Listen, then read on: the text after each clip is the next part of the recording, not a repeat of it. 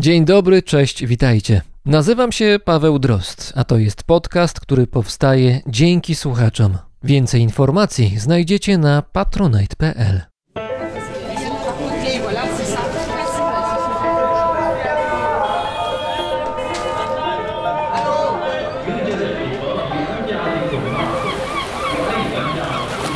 Brzmienie świata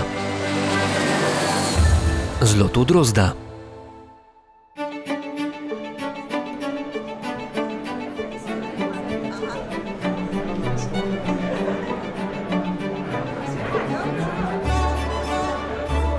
Na miejsce zeszła się społeczna śmietanka Hartford. Miasto leżące niecałe 200 km od Nowego Jorku nie cierpiało na nadmiar rozrywek, dlatego politycy, posiadacze mniejszych i większych fortun oraz dumni nosiciele znanych nazwisk chętnie zebrali się, by wziąć udział w spektaklu. To miał być przyjemny wieczór, a jak wieść niosła, przyjemność ta mogła przekroczyć najśmielsze oczekiwania. Był rok 1844. Uwaga wszystkich skupiona była na mistrzu ceremonii. Był nim Gardner Quincy Colton, dobrze ubrany trzydziestolatek. Pochodził z innego stanu, ale od pewnego czasu robił karierę jako wędrowny przedsiębiorca i właściciel nietypowego cyrku.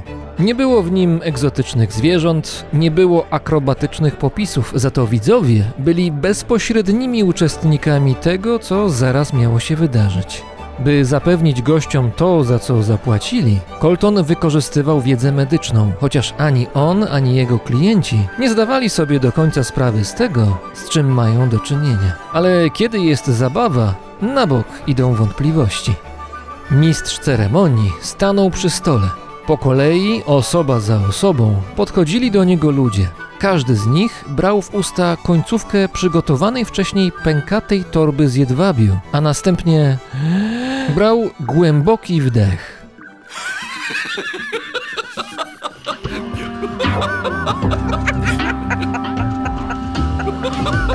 Rozpoczął się spektakl.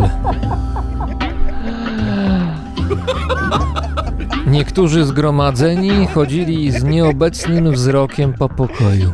Inni padali bezładnie na kanapy, wymachując rękoma. Zewsząd dało się słyszeć chichoty.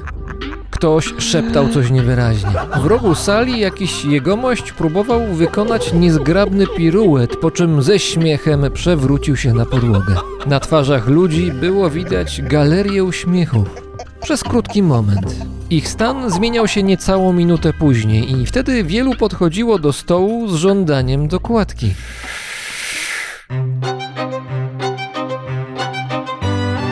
Wśród uczestników zabawy jest Horacy Wells, miejscowy stomatolog, postać znana w okolicy. Tak jak inni, przyjmuje dawkę oferowanego specyfiku, śmieje się i śpiewa, po czym oszołomiony siada na swoim miejscu. Gdy powoli zaczyna dochodzić do siebie, zauważa tańczącego ze śmiechem mężczyznę.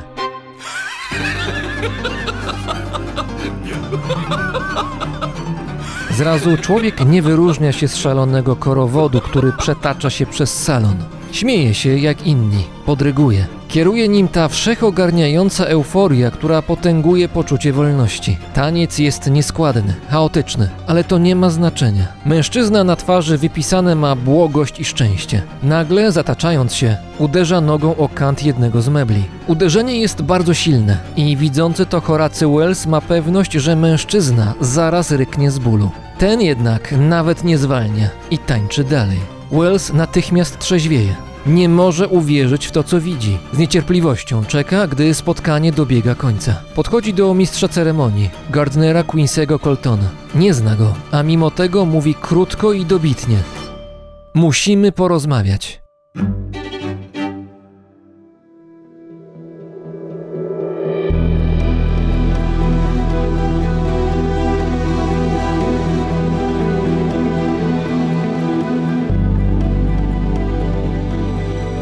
Gdy wiedza na temat anatomii człowieka znacząco wzrosła, a poszczególne organy odkryły już tajemnice swojego działania, chirurdzy zyskali moc ratowania ludzkiego życia, które wcześniej było niemożliwe do uratowania. Wciąż jednak przeszkodą w postępie medycyny był problem zarówno poboczny, co bardzo istotny ból.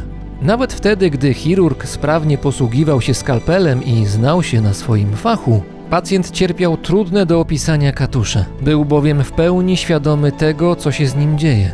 Ból w trakcie zabiegów i operacji był tak dojmujący, że nierzadko on sam stawał się przyczyną zajmowania cmentarnych kwater przez nowych lokatorów. By ograniczyć cierpienia pacjentów, już w zamierzchłych czasach używano alkoholu albo narkotyków, np. opium lub haszyszu. Szukających pomocy ludzi pozbawiano przytomności także poprzez silne uderzenie w głowę, co samo w sobie było praktyką co najmniej ryzykowną.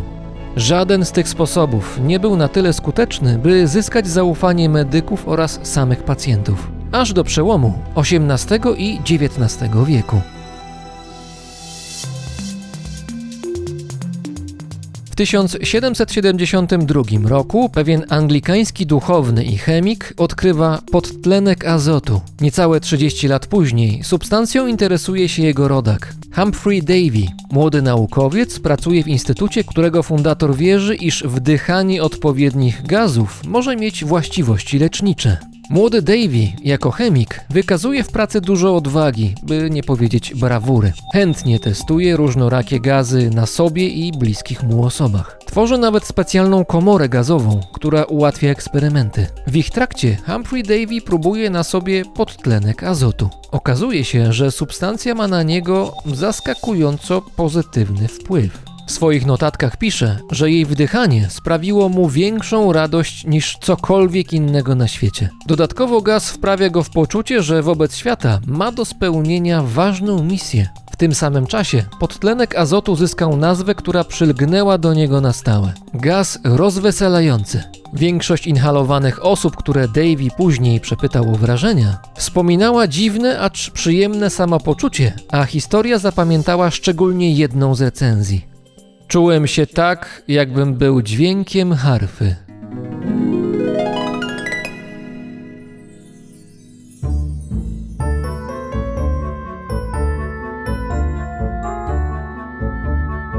Środowisko naukowe było wobec eksperymentów Daviego sceptyczne. Zarzucano mu brak rozwagi oraz ryzykowanie zdrowia i życia ludzi. Posądzano go o szaleństwo, w czym pomagały jego związki z Towarzystwem Księżycowym. Było to swego rodzaju koło dyskusyjne, którego cechą szczególną były spotkania podczas pełni księżyca. Zebrani, wśród których nie brakowało znakomitych badaczy i wynalazców tamtych czasów, spędzali czas rozpatrując zagadnienia naukowe oraz snując filozoficzne dysputy. Humphrey Davy, mając poczucie misji, dzielił się ze światem swoim odkryciem. W kręgach wyższych sfer Londynu organizował naukowe pokazy, które de facto były grupowymi sesjami narkotycznymi. Chętni, często noszący dystyngowane peruki, mogli wdychać podtlenek azotu, a ponieważ efekt owego wdychania był dla nich przyjemny, kolejka zainteresowanych gazem rozweselającym była znaczna. Korzystał z tego Davy, który uważnie obserwował uczestników tych spotkań do celów badawczych. Na początku XIX wieku gazowe mitingi stały się popularną rozrywką osób majętnych w Wielkiej Brytanii oraz w Stanach Zjednoczonych, zwykle osobno dla pań i osobno dla panów. W 1844 roku amerykański stomatolog Horacy Wells przypadkiem zauważył, że człowiek pod wpływem gazu rozweselającego jest nieczuły na ból. Ból u jego pacjentów był problemem, który od dawna wołał o rozwiązanie, dlatego Wells natychmiast zabrał się do testów. Przeprowadził je na sobie. Po inhalacji podtlenku azotu jego asystent wyrwał mu tak zwany ząb mądrości, ósemkę. W normalnych okolicznościach wiązałoby się to z nieznośnym bólem. Tym razem jednak półprzytomny Wells w roli pacjenta nie wydał z siebie nawet jednego jęknięcia. Stomatolog uznał więc, że odkrył święty gral medycyny, który będzie można wykorzystać nie tylko w gabinecie dentystycznym. Wkrótce do tego samego wniosku doszli inni lekarze, którzy mając tupet i brak zahamowań moralnych, sobie przypisali zasługi Wellsa. Ten niezrażony testował na sobie kolejne substancje o właściwościach znieczulających, między innymi eter, a ówczesny brak wiedzy sprawił, że testy odbiły się negatywnie na jego zdrowiu. Cierpiał choćby na halucynacje i ostatecznie odebrał sobie życie trzy lata po swoim przełomowym odkryciu. Używanie gazu rozweselającego jako środka znieczulającego otworzyło w medycynie nowy rozdział. Kolejne próby i eksperymenty z eterem, chloroformem czy ozgrozo dwutlenkiem węgla doprowadziły do przełomu. Za pierwszą udaną operację, której pacjent poddany był znieczuleniu ogólnemu, uznaje się tę z roku 1846. Już rok później, przy pomocy eteru, znieczulono pacjenta w trakcie operacji w Krakowie.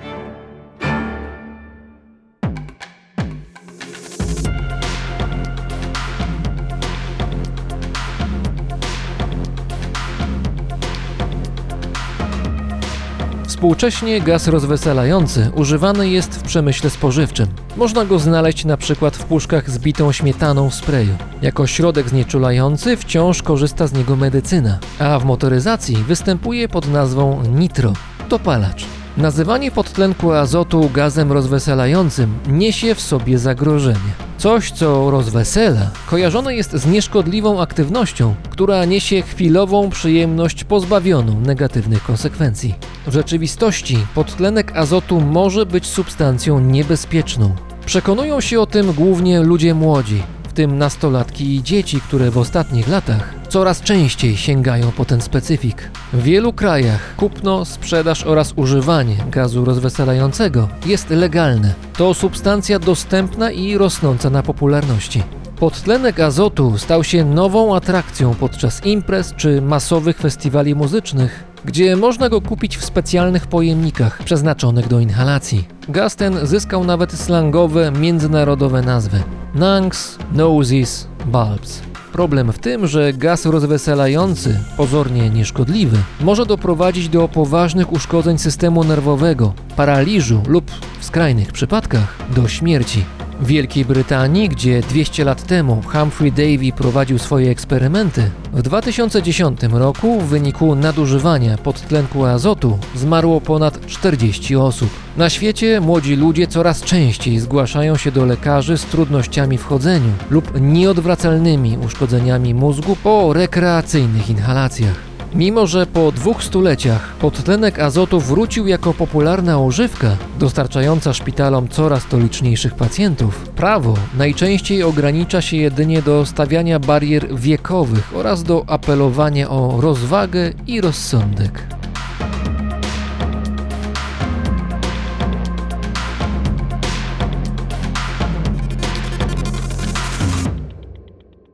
W Europie jednym z niewielu krajów, które zdecydowały się powiedzieć gazowi rozweselającemu nie, jest państwo kojarzone z dużą swobodą, jeśli chodzi o substancje narkotyczne. Zajrzymy tam za chwilę.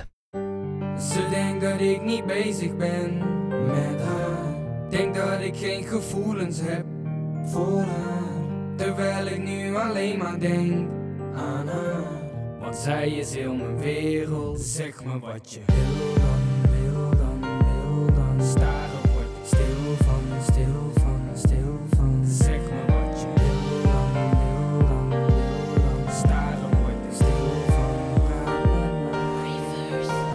pas zat in de klas Naast Thomas en Willem voor Mark en Bas. Jij zat voorin, keek achterom. Ik stuurde je briefjes en vroeg je waarom. Je stuurde me terug, ik vind je lief. Zit op een bollek en ik ben verliefd. Tien jaren later waren we samen. Ik was een jongetje, jij al een dame. Wist het al zeker, jij bent de ware. Niemand waar ik nou zo lang naar kon staren. Soms is het erg, maar dit is mijn werk. Voor jou ben ik Ger en ik Gers is het merk. Ik neem je mee. Neem je mee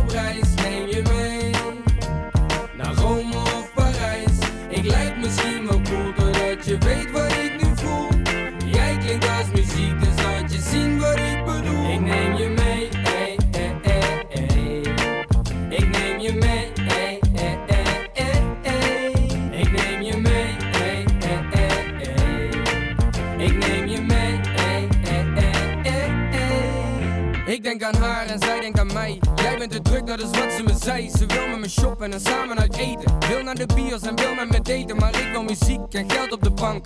Al mijn fans die wachten al lang. Ik wil een toekomst opbouwen met haar. Twee kids, een huis met een tuin aan het water. Hond of kater, wat jij wil. Maar blijf nou niet staren, want dan word ik stil. Doe dit voor ons en werk dus hard. Want ik hou van jou met heel mijn hart. Ik neem je mee. Neem je mee op reis, neem je mee Naar Rome of Parijs Ik lijk misschien wel je weet wat ik nu voel Jij klinkt als muziek Dus laat je zien wat ik bedoel Ik neem je mee hey, hey, hey, hey. Ik neem je mee hey, hey, hey, hey. Ik neem je mee hey, hey, hey. Ik neem je mee hey, hey, hey, hey, hey. Ze denkt dat ik niet bezig ben. Denk dat ik geen gevoelens heb Alleen maar ah. wat zij is in de wereld. Zeg maar wat je wil, dan staren, wordt de stil van me, stil van stil van me. Zeg maar wat je wil, dan staren, wordt de stil van ik. Ik neem je mee, neem je mee op reis, neem je mee. Ik lijk misschien wel cool doordat je weet wat ik nu voel. Jij klinkt als muziek, dus laat je zien wat ik bedoel. Ik neem je mee, hey, hey, hey. Ik neem je mee,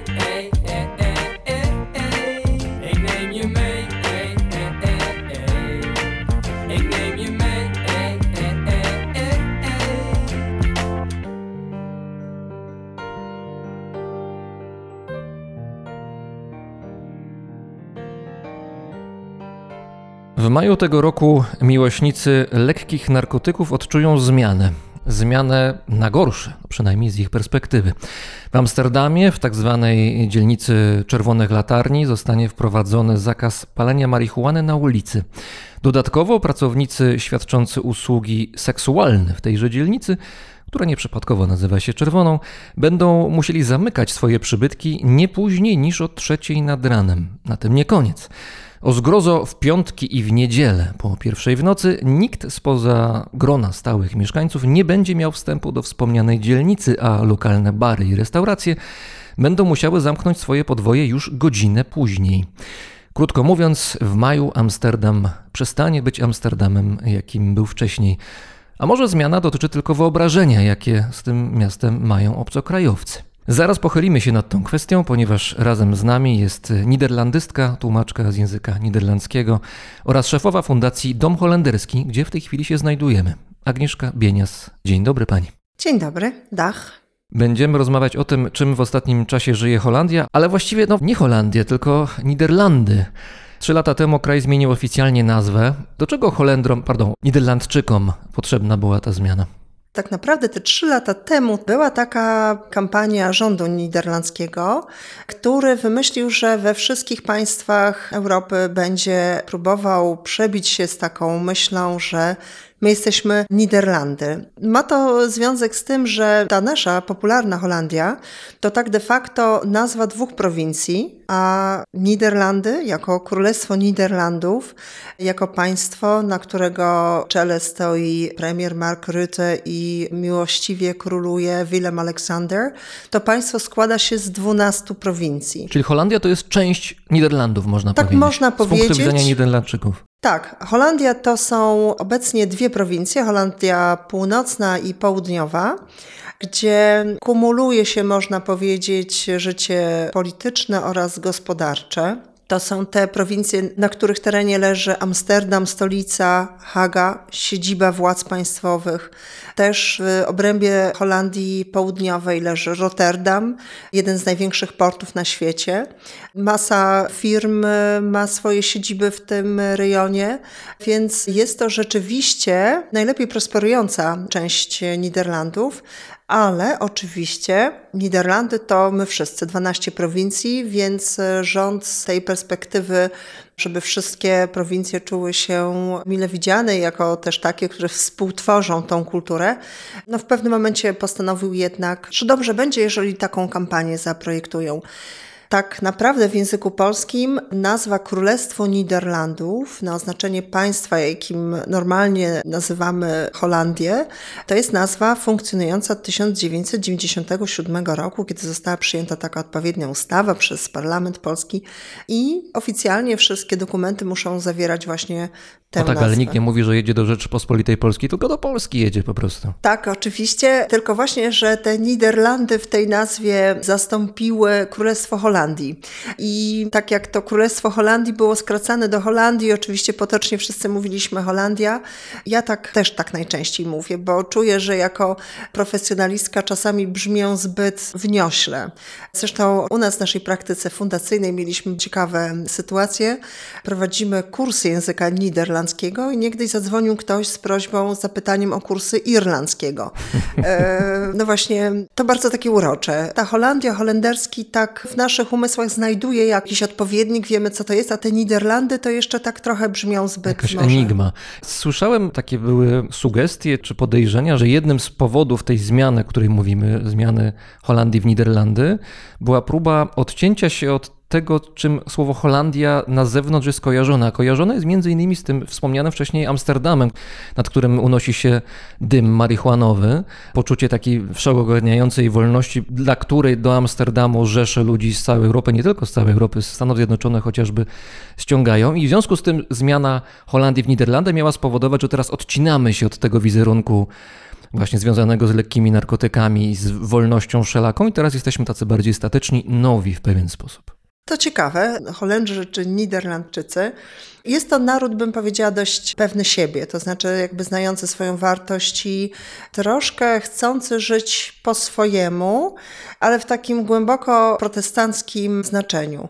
Respektując inne grupy i prawa innych narodowości, ale mimo wszystko chcą stanowić o sobie. I trochę mam wrażenie, że z tą marihuaną to im się wymknęło spod kontroli. Spod kontroli w takim znaczeniu, że bardzo chcieli móc korzystać z pewnych wolności obywatelskich. Doszli do wniosku, że marihuana nie jest aż tak szkodliwa, jak się ją prezentuje, i mając wiedzę na ten temat, stwierdzili, że dopuszczą ją do użytkowania. Mimo, że formalnie chyba zakazy są, tylko że de facto władze przyzwoliły na to, że to się dzieje, to się dzieje w tej chwili w Amsterdamie. To znaczy, to jest to, co ja nazwałam, że wymknęło się spod kontroli, bo Holendrzy chcieli móc korzystać z marihuany, ale w taki umiarkowany sposób.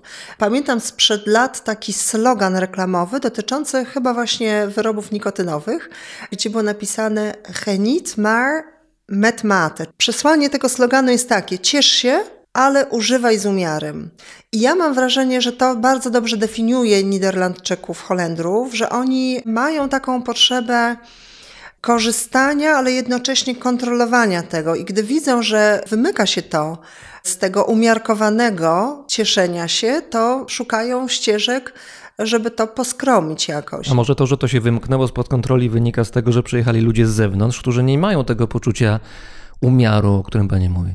Tak, zdecydowanie, bo cała ta dzielnica Czerwonych Światów w Amsterdamie to jest taka przestrzeń i takie zjawisko, które mi na przykład jako niderlandysce, po prostu zakochanej w Niderlandach, trochę przykro jest patrzeć, bo to, co Holendrzy stworzyli, no właśnie w tej swojej mentalności, wszystko jest dla ludzi, można mieć jako prostytutka normalnie zalegalizowaną działalność, prostytucja jest absolutnie dozwolona, sutenerstwo jest zakazane, nie wolno czerpać korzyści z prostytucji innych osób, ale jeżeli jest to jednoosobowa działalność gospodarcza, to jak najbardziej jest to możliwe.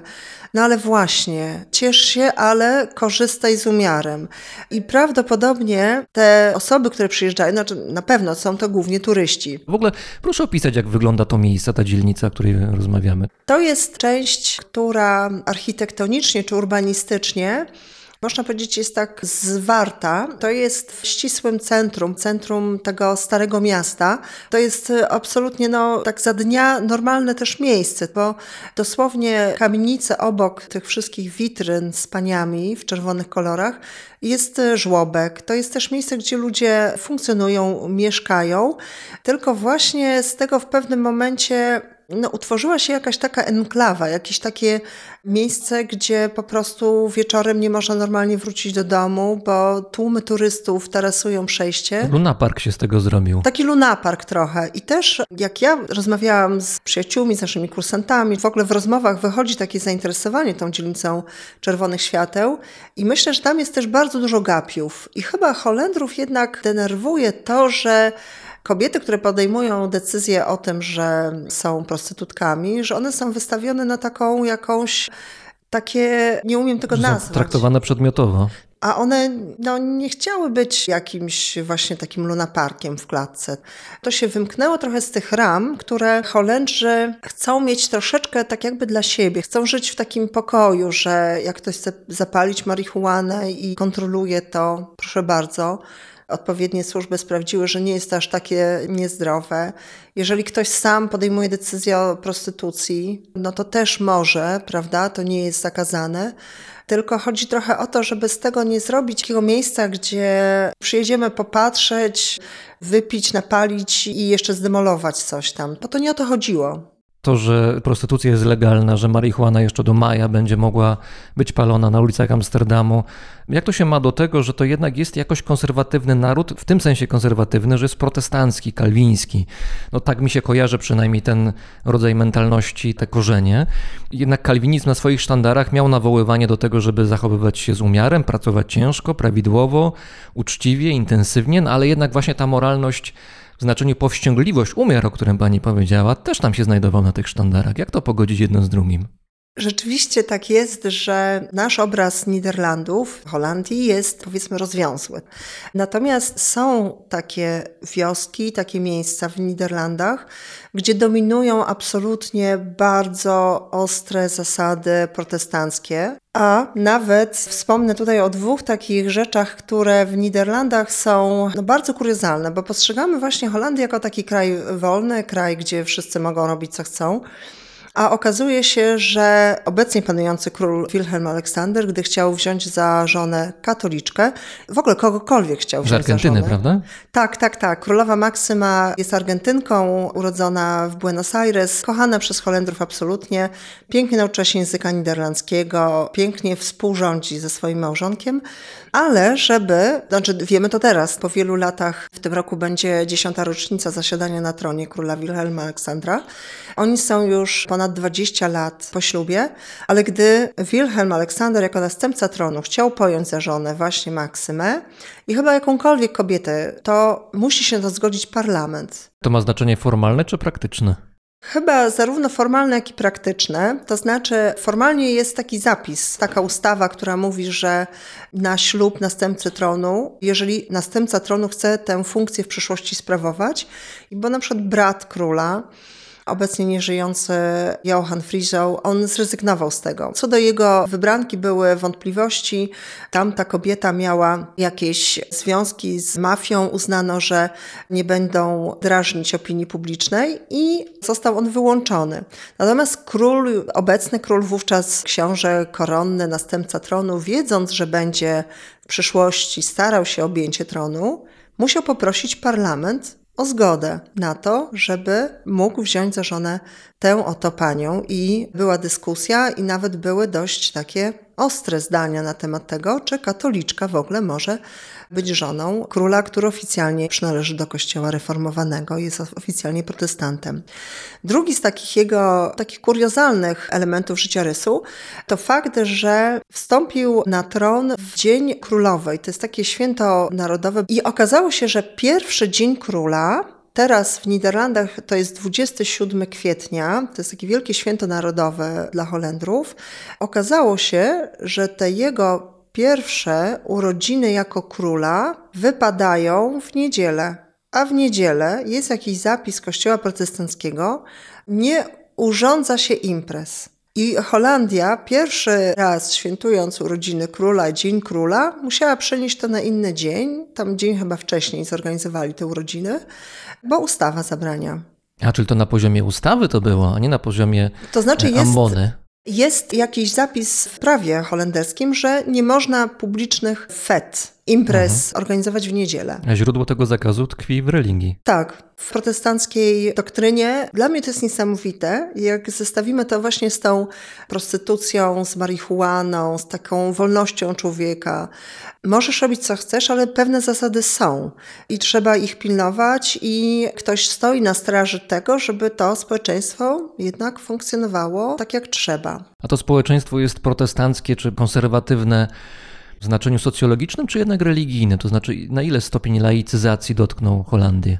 To jest też bardzo ciekawe, dlatego że absolutnie Holandia jest krajem laickim i w tej chwili w ogóle jest też tak, że jeżeli myślimy o jakiejkolwiek religii chrześcijańskiej, to jednak katolicy są bardziej liczną grupą, ale są takie miejscowości, gdzie bardzo silnie trzymają się wszyscy razem, protestanci, i nawet jest coś takiego w Niderlandach jak amerykański pas biblijny. W tak niewielkim kraju. Tak, tak. To pasek biblijny bardziej. Tak. Są rzeczywiście takie miejsca, gdzie moi przyjaciele mówią: No, nie daj Panie Boże odziedziczyć dom w takiej wsi, dlatego że ta społeczność bardzo pilnuje tego, żeby zachować taką protestancką. E, Wręcz kalwińską, bo kalwinizm Tak. jest kojarzony właśnie z tym bardziej radykalnym podejściem w ramach protestantyzmu. Tak, taką mentalność właśnie bardzo, jakby to powiedzieć, e, Skromność, wspólnota, wiara. tak. Zatrzymajmy się chwilę przy królu, przy rodzinie królewskiej, no bo Niderlandy to królestwo Niderlandów de facto.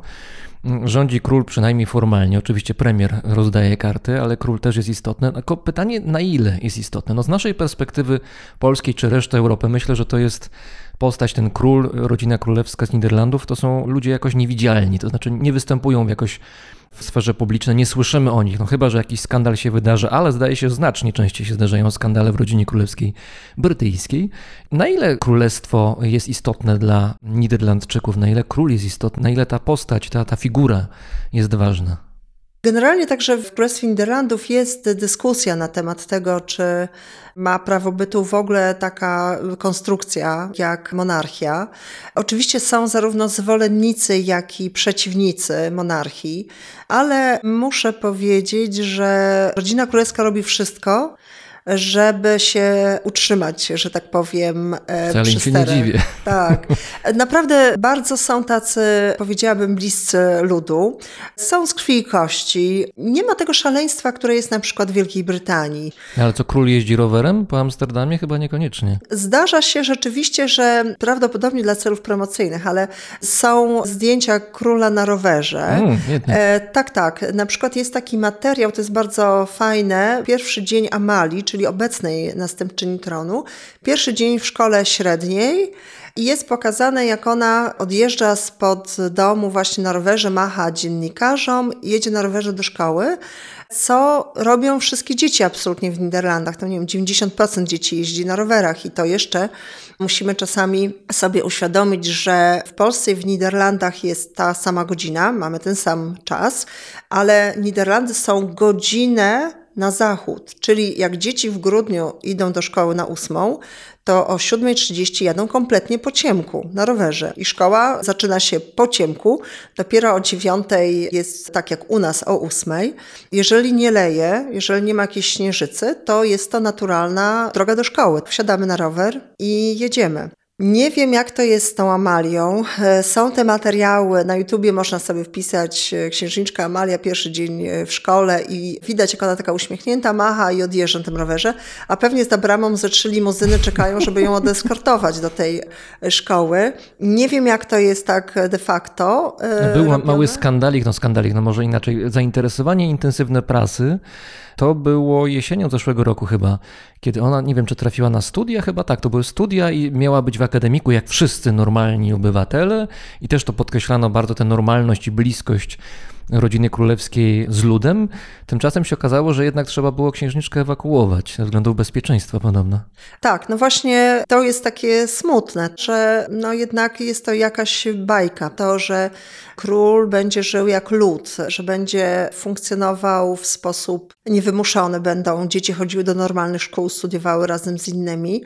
Chociaż król Wilhelm Aleksander też studiował razem z innymi ludźmi na uczelni państwowej. Z Amalią był ten problem, że dostawała po prostu masę pogróżek i rzeczywiście były bardzo solidne przesłanki ku temu, że może dojść do jakiegoś zamachu. W podobnym czasie też te wiadomości docierały i do premiera. Rzeczywiście jesienią ubiegłego roku, jesienią 22 roku Holandię sparaliżowała taka świadomość, że jednak w tym naszym takim raju na ziemi jednak są zagrożenia mające na celu destabilizację kraju. Księżniczka jeździła na rowerze, król być może też czasami wsiada na rower, ale jednakowoż najczęściej poruszają się specjalnymi pojazdami, a w specjalnych okazjach szczególnych poruszają się karocą. Ta karoca też była powodem pewnego zamieszania. No może najpierw opiszmy ją, jak ona wygląda. Ona chyba wygląda tak właśnie jak karoca, którą sobie wyobrażamy, taka trochę bajkowo-królewska.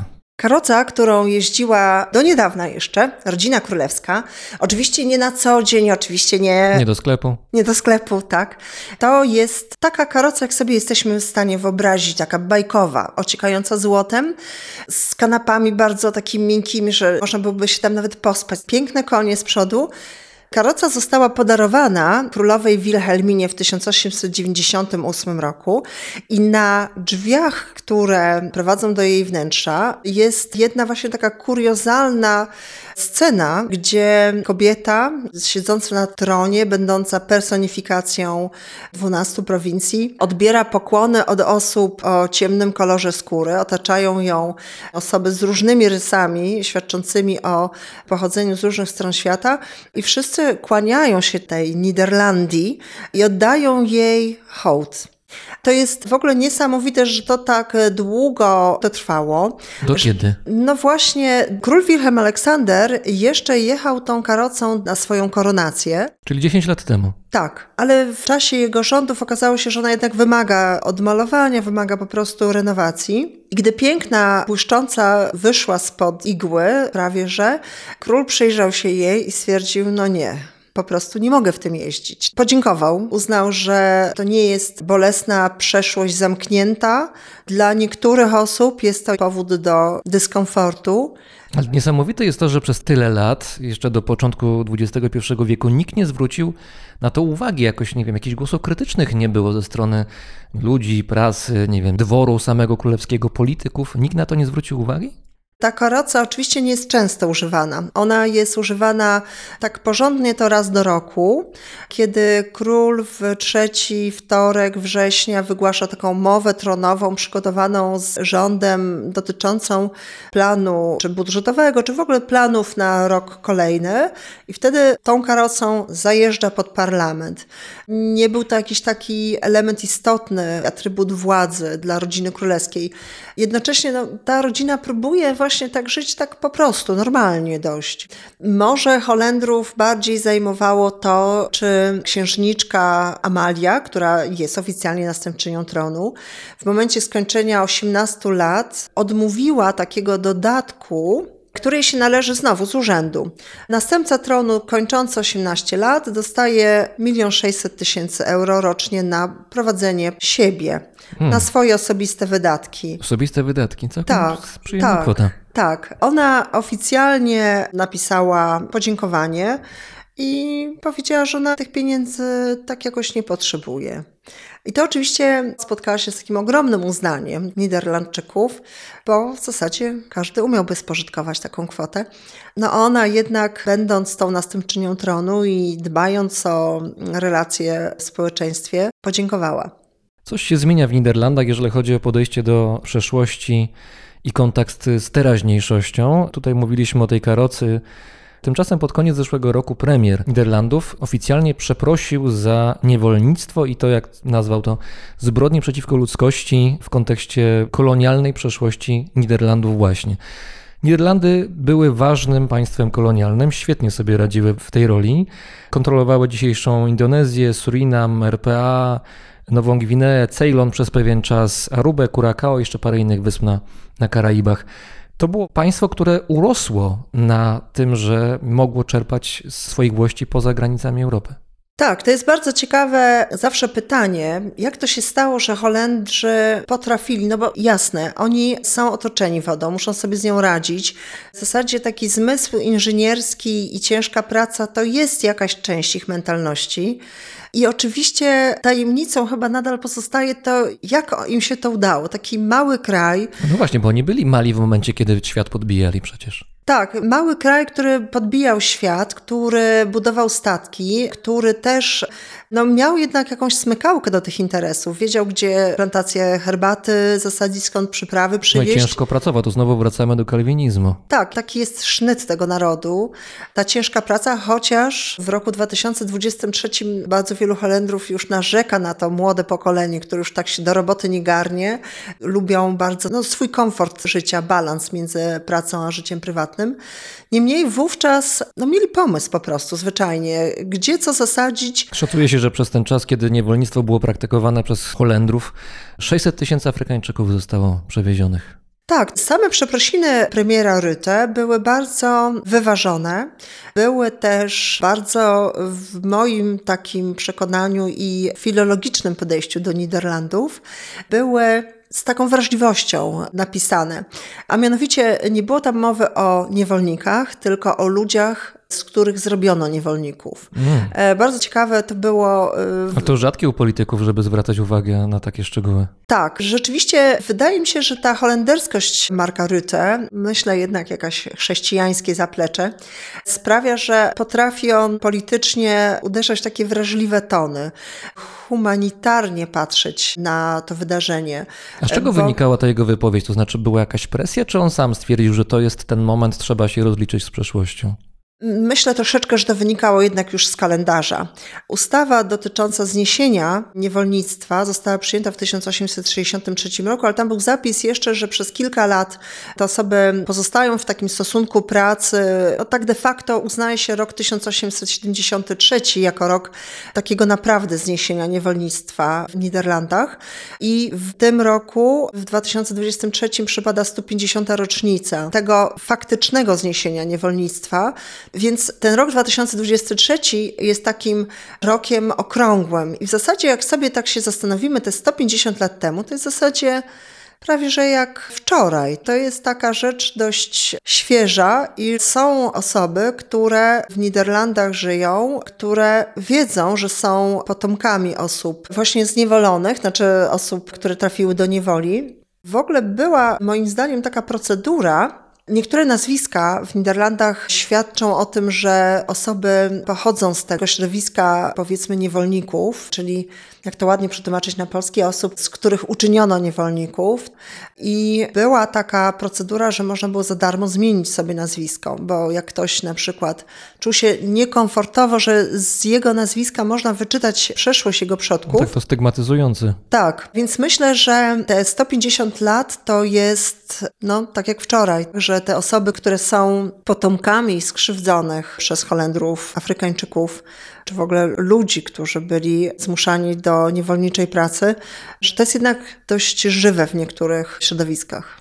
Kusi, żeby powiedzieć prostą może konstatację, że cały kraj, Niderlandy, Holandia zbudowały swoją potęgę, swoje kanały, swoje bogate miasta właśnie przez aktywność kolonialną kraju.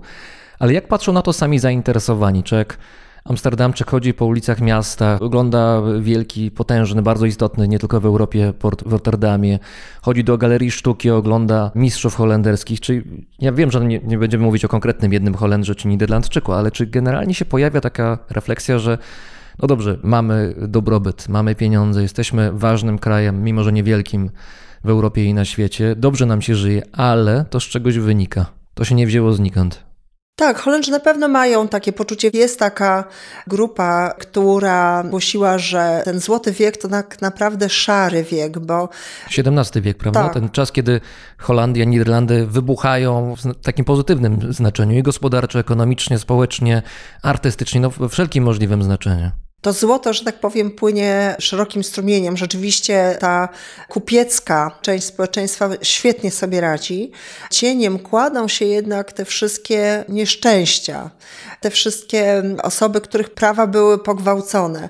Na pewno są takie grupy społeczne, które widzą w tej przeszłości kolonialnej taką rysę na swoim wizerunku, że jednak ten dobrobyt i ten rozkwit kultury gdzieś pod spodem ma tą ciemną stronę. No, dla Holendrów to był wiek złoty, dla innych ludzi z Afryki na przykład, tych, którzy potem stawali się niewolnikami, to mógł być wiek katastrofy. Tak, zdecydowanie, chociaż taki przeciętny, zwykły Holender, myślę, że on nie ma jakiejś pogłębionej refleksji. Jestem ciekaw, czego się w szkołach uczą. Holendrzy w ogóle bardzo lubią niuansować, więc nie zdziwiłabym się, gdyby jednak była ta narracja wpisana w lekcje historii.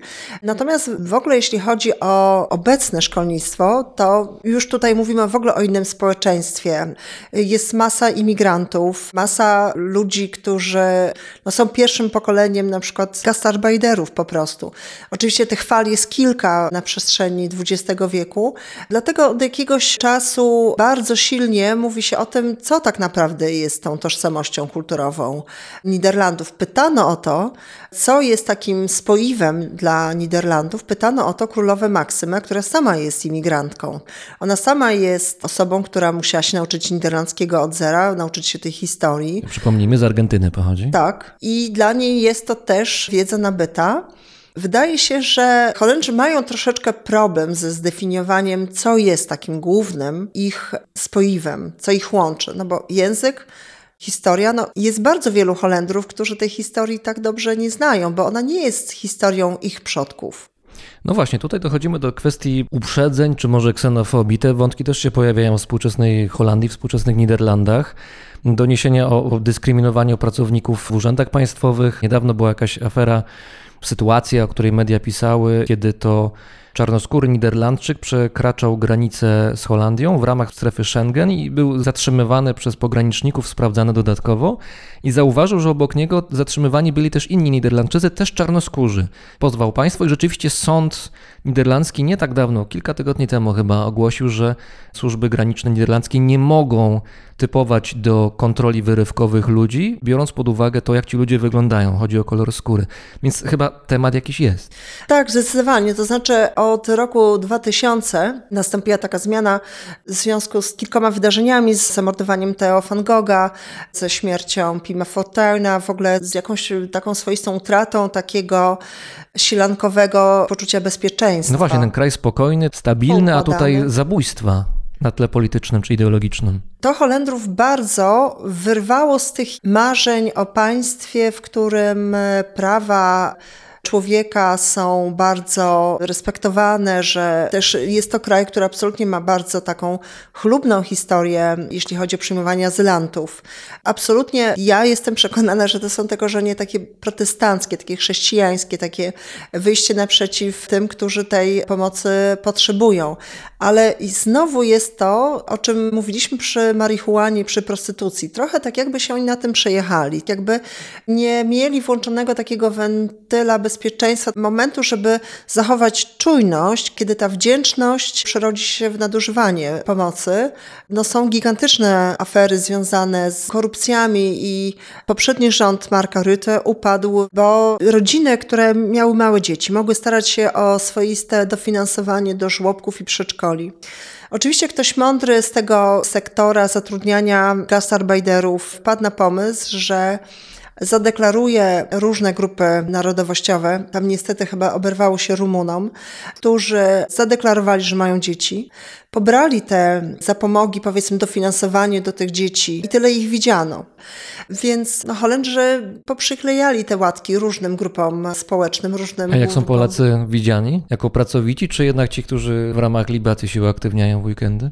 Polacy są widziani dwójnasób. Albo są to osoby, które mają ogromną wiedzę i są bardzo dobrej klasy specjalistami.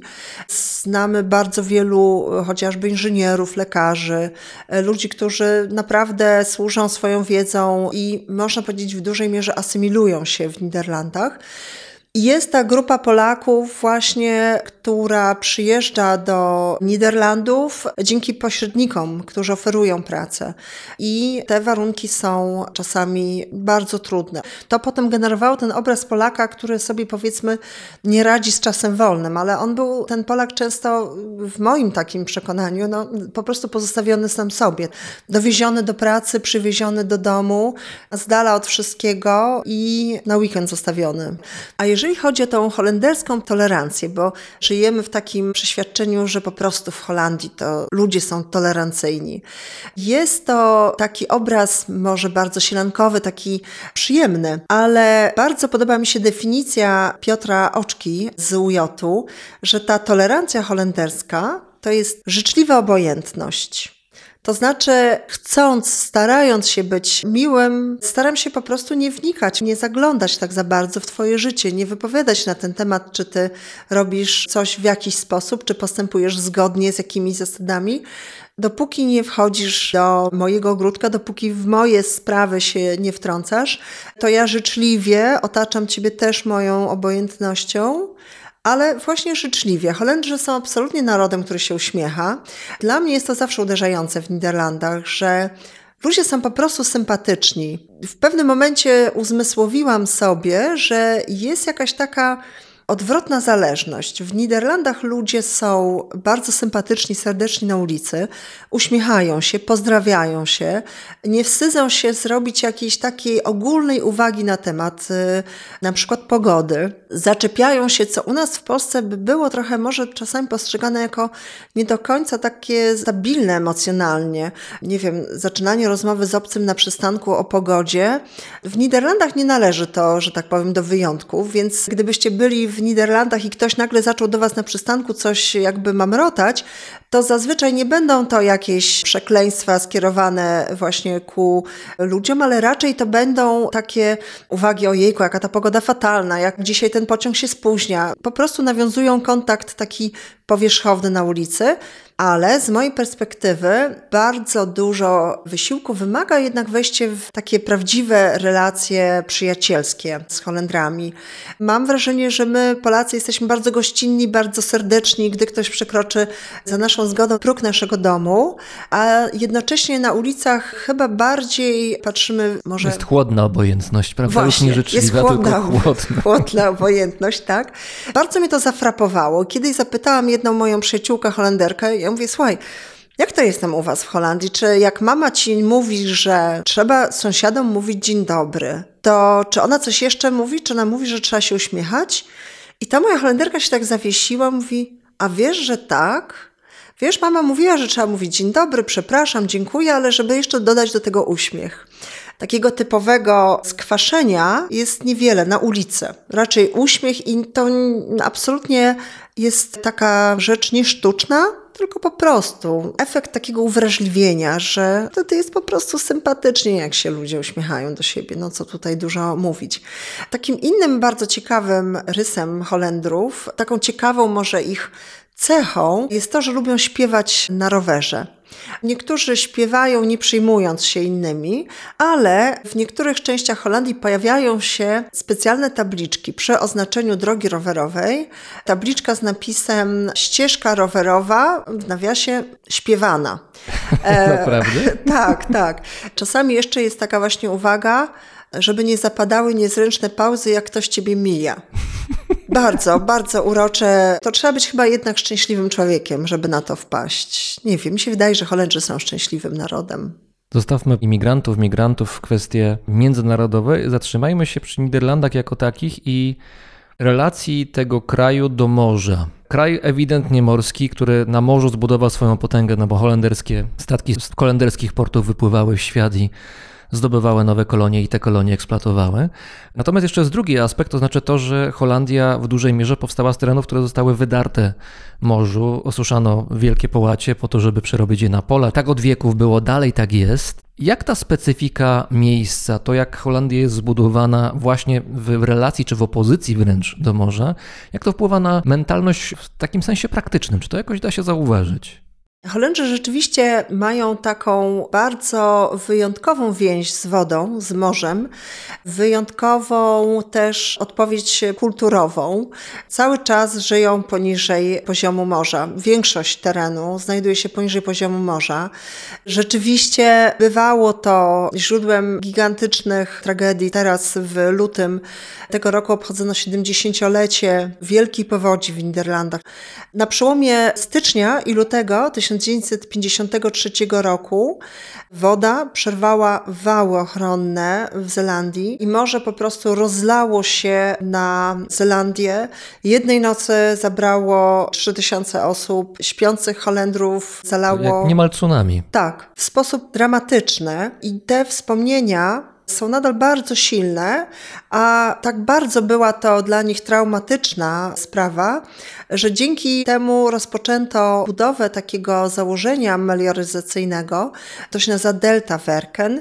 To jest taki system tam i grobli, który sprawia, że całe Niderlandy są chronione takim właśnie konceptem, który pozwala przewidywać tego typu niebezpieczeństwa i pozwala właśnie sterować tym poziomem wód. To jest absolutnie coś takiego, co zarówno w kulturze, jak i w świadomości takiej codziennej Holendrów jest istotne. Woda jest z jednej strony wrogiem, z drugiej strony trzeba sobie z nią poradzić ale też jest przyjacielem. Jak zawsze mówię o tym, że Osoby uczące się niderlandzkiego muszą na pewno znać trzy czasowniki dotyczące sportów. To jest schaatsen, czyli jeździć na łyżwach, zwemmen, czyli pływać i oczywiście fietsen. To ostatnie fietsen to jest jazda na rowerze i to nie ma nic wspólnego z wodą, a raczej z płaskimi drogami, z rzeźbą terenu. W Niderlandach naprawdę wszędzie można dojechać na rowerze. A jeszcze jest chyba taki sport skoki przez kanały przy pomocy takiej długiej Tak, tyczki? to jest wspaniałe. To jest absolutnie cudowny zwyczaj. Raz w roku są w ogóle też takie zawody. To jest absolutnie wspaniały sport. To się nazywa Firliepen we Fryzji. Bierze się tyczkę i trzeba się przeprawić przez taki kanał na wsi między polami. Tak kiedyś prawdopodobnie rolnicy przemieszczali się między Tak. kanałem a kanałem. To było Tak. praktyczne. Skok o tyczce przez kanał. Biegnie się styczką, wbija się ją w ten kanał, chyba najczęściej trzeba się wbić w wodę i potem jest taki fascynujący moment, że ten zawodnik wdrapuje się na końcóweczkę tego kija. Będą i już na musi- tyczce, która już jest wbita jakoś. Tak, tak. I trzeba łapać ten balans i oczywiście sama dyscyplina sportowa zakłada to, że jakby trzeba jak najdalej w ten piasek po drugiej stronie rowu się wbić i to świadczy o jakimś tam mistrzostwie. To jest absolutnie fascynujące i to dzieje się latem, natomiast zimą we Fryzji wyścig 11 miast, to się nazywa Elfstedentocht, to jest wyścig na łyżwach, tylko właśnie, aby go zorganizować, trzeba najpierw mieć pewność, że warunki atmosferyczne są ku temu odpowiednie, że na całym odcinku, a jest to 210 kilometrów, że na całym odcinku są no, wszędzie warunki odpowiednie do tego, żeby ten lód był wytrzymały. To wszystko się odbywa w kanałach, 200 km kanałów Tak. połączonych jeden z drugim. Mhm. Jest to właśnie wyścig 11 miast, dlatego że trasa przebiega kanałami przez 11 miast, gdzie uczestnicy tego wyścigu muszą pobrać stempelki. Jeszcze na trasie są wyznaczane inne dwa punkty, gdzie jakby nie wiemy, gdzie to jest. I złożenie tej karty z tymi wszystkimi stempelkami, brzmi to trochę jak jakaś taka opowieść o harcerzach w lesie, zaświadcza o tym, że te wszystkie punkty minęliśmy jako zawodnicy. Nawet w tym wyścigu, to jest taka absolutnie no, taka wielka tradycja dla Niderlandczyków, nawet w tym wyścigu pod pseudonimem brał udział obecny król Wilhelm Aleksander. Karocy jechał na łyżwach? Nie. Nie, był bardzo dzielny, miał pseudonim. Oczywiście chyba było ze dwóch czy trzech ochroniarzy z nim, ale dopiero pod koniec się zorientowano, że to jest następca tronu, no bo trzeba się solidnie ubrać, solidnie, no po prostu ciepło się ubrać, więc nie został rozpoznany podobno na starcie. Ale później, jak powiedziano, że to on, no to wszyscy, aha, no rzeczywiście. No i to jest niesamowite, bo to jest 210 kilometrów i jedzie się po prostu po kanałach. Ktoś popatrzył na mapę, stwierdził, że one się łączą w taką trasę, no i ludzie śmigają. Są dwie kategorie, amatorzy i profesjonaliści. I to absolutnie nie jest jakaś taka dziwna impreza, co trochę trzeba właśnie pod pseudonimem i trochę wstyd w niej brać udział. Nie, absolutnie. Ci sportowcy, którzy w tej profesjonalnej ścieżce brali udział, bo no, w 97 roku po raz ostatni zostało to zorganizowane, no wszystkiemu winna zmiana klimatu. Co roku oczywiście badają, była taka właśnie w czasie pandemii światełko w tunelu, że można, tylko nie można, bo pandemia. Więc strasznie, strasznie szkoda. Holendrzy to absolutnie uwielbiają. To jest taki sport narodowy Holendrów. To wystarczy popatrzeć na osiągi poszczególnych olimpiad zimowych. Ale też ja mając tutaj przyjaciół w Warszawie, holenderskich przyjaciół, wiem, że umawiają się na łyżwy. Do tradycji należy oczywiście pójść na łyżwy w sobotę rano, a potem napić się ciepłego kakao. To też jest taka ich tradycja. No i oczywiście, jak kakao, to mleko. Holendrzy uwielbiają nabiał po prostu. Jak woda, to szansa, możliwości, ale też zagrożenia. I tutaj zatrzymajmy się przy tym, jak e, dzieci holenderskie są przygotowywane do tego, w jakim kraju przyszło im żyć, bo te przygotowania są bardzo, bardzo konkretne. Dzieci holenderskie chodzą w ramach szkolnych zajęć na naukę pływania, ale absolutnie nie jest to taka nauka pływania, jaką my sobie Polacy wyobrażamy. Jak ja moim znajomym holenderskim mówię, że moje dzieci chodzą na basen w szkole, to oni mówią, ale przecież to, to rodzice muszą dziecko nauczyć pływać. Przecież to jest tak jak mówić, jak jeździć na rowerze. To jakby mi się w głowie nie mieści, że u nas nie jest to taka umiejętność oczywista. I na to mi zawsze Holendrzy mówią, słuchaj, no u nas rzeczywiście jest nauka pływania, ale nauka pływania w ramach zajęć szkolnych to jest nauka pływania w ubraniu. Bo przecież jak wpadniesz do tego kanału, przez który Fryzyjczycy o tyczce się przeprawiają, tak wpadniesz do kanału, to zazwyczaj jesteś ubrana, nie jesteś w kostiumie ani w jakimś stroju takim lekkim. Musisz umieć sobie poradzić w ubraniu w wodach naturalnych, żeby umieć się wydostać z tego akwenu. Jeżeli kiedykolwiek ktokolwiek z naszych słuchaczy wpadł do wody, właśnie będąc ubranym w butach i tak dalej, to się nie pływa tak wcale wygodnie. Woda wchodzi wszędzie, możliwości ruchów są ograniczone, a jeszcze jak temperatura jest odpowiednio niska, to się robi zabawnie. Tak, dokładnie. Ja kiedyś próbowałam coś takiego zapytać w basenie, czy byłaby taka możliwość. To w Polsce nie ma takiej możliwości, bo sanepid, Jasne. prawda? Bo względy bezpieczeństwa, bo brudne ubranie, coś tam. W Niderlandach nie wiem, czy oni jakąś inną mają, że tak powiem, technologię oczyszczania wody, ale dzieci po prostu mają takie zajęcia. Nie mam pewności, czy w butach, bo to, to jest. Widziałem zdjęcia w butach, tak, Tak. tak. Pewnie odpowiednio wyczyszczone są te buty, ale jednak buty pełnowymiarowe. I to jest jeszcze dopiero początek ćwiczeń, bo najpierw próbujemy poradzić sobie w ubraniu, w butach w wodzie. Drugi taki zabieg, który ma oswoić człowieka z wodą i z różnymi sytuacjami, jakie na niej mogą wystąpić, to jest celowe wpadanie z materaca, który unosi się po prostu na powierzchni wody, plecami do tyłu. To ma na celu przyzwyczajenie człowieka do efektu dezorientacji, która może wystąpić, gdy spędzając z przyjaciółmi czas na łódce, ktoś przesunie się nagle, potrąci nas i wypadniemy z łódki, to żebyśmy umieli opanować ten pierwszy lęk i Zaskoczenie, no bo Zaskoczenie. coś się dzieje, to nie jest tak, że planujemy, dobra, teraz sobie wskoczę, tylko to się dzieje bez naszej wiedzy. Orientujemy się, kiedy jesteśmy już w wodzie. Tak. Trzecie ćwiczenie, które czasami jest stosowane w ramach nauki pływania, to jest kształcenie umiejętności przepływania przez otwory. Wkłada się taką po prostu jakby ściankę z pleksi do basenu, w której te o ściance są otwory. I ona jest pionowo ustawiona, prawda? Tak. Wewnątrz basenu. Tak, ona jest ustawiona pionowo. To jest takie wyposażenie basenowe i w tej ściance są otwory. Jest to taka może bardziej cywilizowana forma ćwiczenia, jaką my jako dzieci znamy, że no to ja stanę, a ty przepłyń pod nogami moimi, albo no dzieci same wpadają na takie pomysły. I właśnie Holendrzy też mają takie cywilizowane powiedzmy gadżety. Dziecko musi być w stanie przepłynąć przez jakiś zawężony otwór pod wodą, a to ma na celu przygotowanie go na ewentualną kraksę, gdy autem wpadnie do kanału, żeby umieć zachować się właśnie w sytuacji takiego wypadku samochodowego, kiedy wpadniemy samochodem do wody i po prostu musimy się z tego samochodu wydostać. A to jest możliwe, biorąc pod uwagę liczbę kanałów. Absolutnie są takie przypadki w ogóle w Amsterdamie. Zachęcam wszystkich, żeby zwrócili uwagę, jak parkuje się w Amsterdamie. Amsterdam nie jest łatwym miastem do poruszania się samochodem, ale warto chociaż raz wjechać i tak się przejechać. To jest w ogóle tak piękne miasto. Tak czy siak, kanały nie są zabezpieczone żadnym ogrodzeniem. Są tylko takie małe, maleńkie ograniczniki na samym końcu, powiedzmy, tego terenu do parkowania i taki, powiedzmy, niewprawny kierowca. Znaczy, mi trudno to sobie wyobrazić, ale podobno bywają tacy, którzy tracą kontrolę nad tym, gdzie się kończy ulica, gdzie zaczyna się kanał i woda pod spodem. I bywają takie sytuacje, że wpadają samochody do kanału w samym Amsterdamie, w samej stolicy, więc trzeba być przygotowanym. Rozmawiamy w Domu Holenderskim, Fundacji Dom Holenderski. Ta fundacja jest domem nie tylko z nazwy, ale faktycznie to jest dom. Dom specjalny z historyczną zabudową przedwojenną, klasyka modernizmu. To jeszcze na koniec powiedzmy, ja wiem, że może w nagraniach radiowych, podcastowych, dźwiękowych opowiadanie o architekturze jest kłopotliwe, ale spróbujmy. Mamy takie szczęście, że nasza fundacja mieści się w wyjątkowym miejscu. To jest dom, który został zaprojektowany przez Bohtana Laherta jako jego własny dom. Tutaj tak de facto są trzy domy jednorodzinne.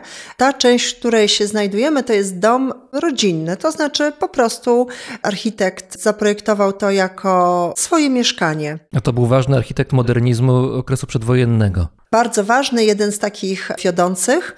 Do lat 80. ubiegłego wieku mieszkał tutaj z rodziną, przerabiając ten dom na potrzeby zmieniającej się struktury rodziny.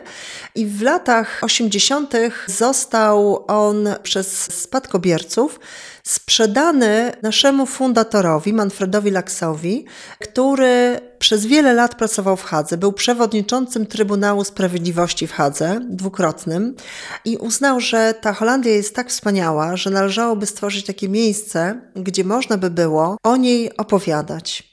I ten dom, choć dom naprawdę mieszkalny, niegdyś znanego architekta polskiego, trafił w ręce osoby, która wymyśliła sobie tutaj jako cel tej przestrzeni właśnie spotkania, które będą przybliżały Polakom Królestwo Niderlandów, cały obszar tak dumnie nazywany niderlandzkojęzycznym obszarem kulturowym, bo ten język niderlandzki to także Flandria, czyli Belgia, i Surinam. W Surinamie językiem urzędowym jest także język niderlandzki. Pozostałość po byłym kolonizatorze.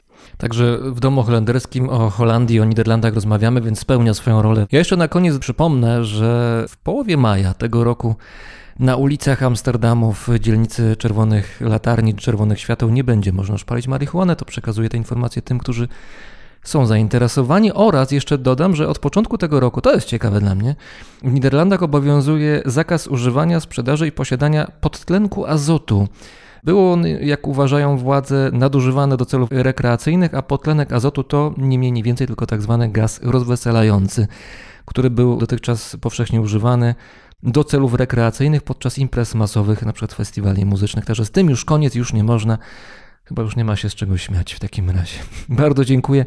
Razem z nami była niderlandystka, tłumaczka z języka niderlandzkiego i szefowa Fundacji Dom Holenderski w Warszawie, Agnieszka Pienias. Dziękuję bardzo. Wat zijn woorden opgeschreven als de kern ervan niet wordt begrepen? Voorbij het punt van lezen is het de kunst van leven. Tussen de regels, buiten de kantlijn. Hoe anders zou het zijn? Hoe anders zou het zijn? Ben een gezegend man, maar een man met gebreken. Soms belabberd, niet eerlijk, soms te berekenen. Alles op de tekentafel, liefde. Geven is makkelijk, maar ontvangen van een ander kaliber. Je kent mijn streken en mijn kracht. Ken de muziek, de poëzie en wat het heeft gebracht. en ik ben dankbaar voor mijn lach. Als ik dat niet had, was ik depri of suicidaal. Ze zeggen doe normaal, verman jezelf. Al gaat het goed, dit paradijs lijkt soms verdacht op een hel. Maar goed, ik sta versteld, sta stil en herinner me. Alles is er al van binnen. Als de hemel valt, de hemel valt. De druk op God wordt groter en ze draagt het allemaal. Maar als de hemel valt, zullen we het samen moeten dragen. En kunnen zij en Allah samen even weg. Misschien ben ik het domme jongen, maar mijn god, zeg maar waarom men zonne blijft verkondigen als liefde de bron is. Dat is geen brood, maar kruimels uit mensenhanden. Niet de jou of een zogenaamde duivel. Zeg, hoe is het nou, zo'n multispagaat? Er altijd zijn voor iedereen en alles. Beetje zoals mijn eigen ma. Zij is toch goed voor deze wereld. We willen meer plus, door de crisis is iedereen skeren. En dan die eeuwige strijd. Klopt drama aan de deur is een van de partij. Ja, ja, wij willen ons gelijk opgehangen aan ideeën van het liefst één waarheid. Lieve, hoe zou het zijn? Even een break, deel ik het nee, soms met de trein. Pootje baden in het universum, modderbad, verse koffie in de ochtendkrant. Als de hemel valt, de hemel valt. De druk op God wordt groter en ze draagt het allemaal. Maar als de hemel valt, zullen we het samen moeten dragen. En kunnen zij en Allah samen even weg.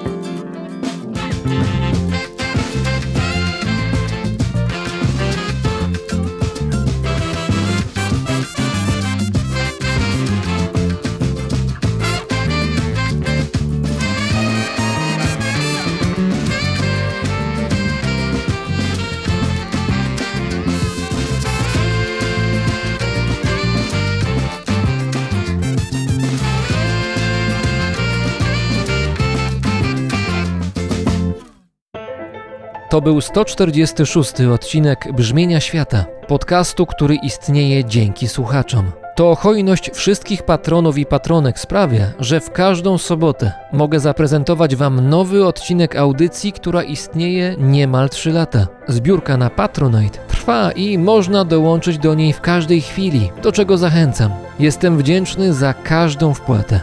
Dziękuję. Dziękuję również światoczułemu patronowi Brzmienia Świata, firmie Ergo Ubezpieczenia Podróży.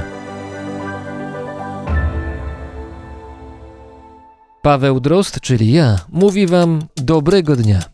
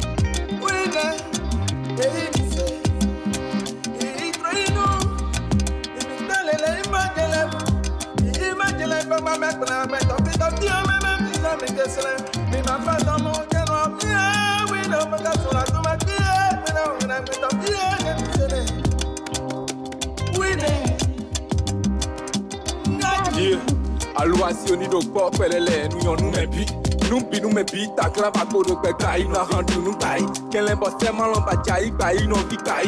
Me de le tro jo ma pe je bi jai sai.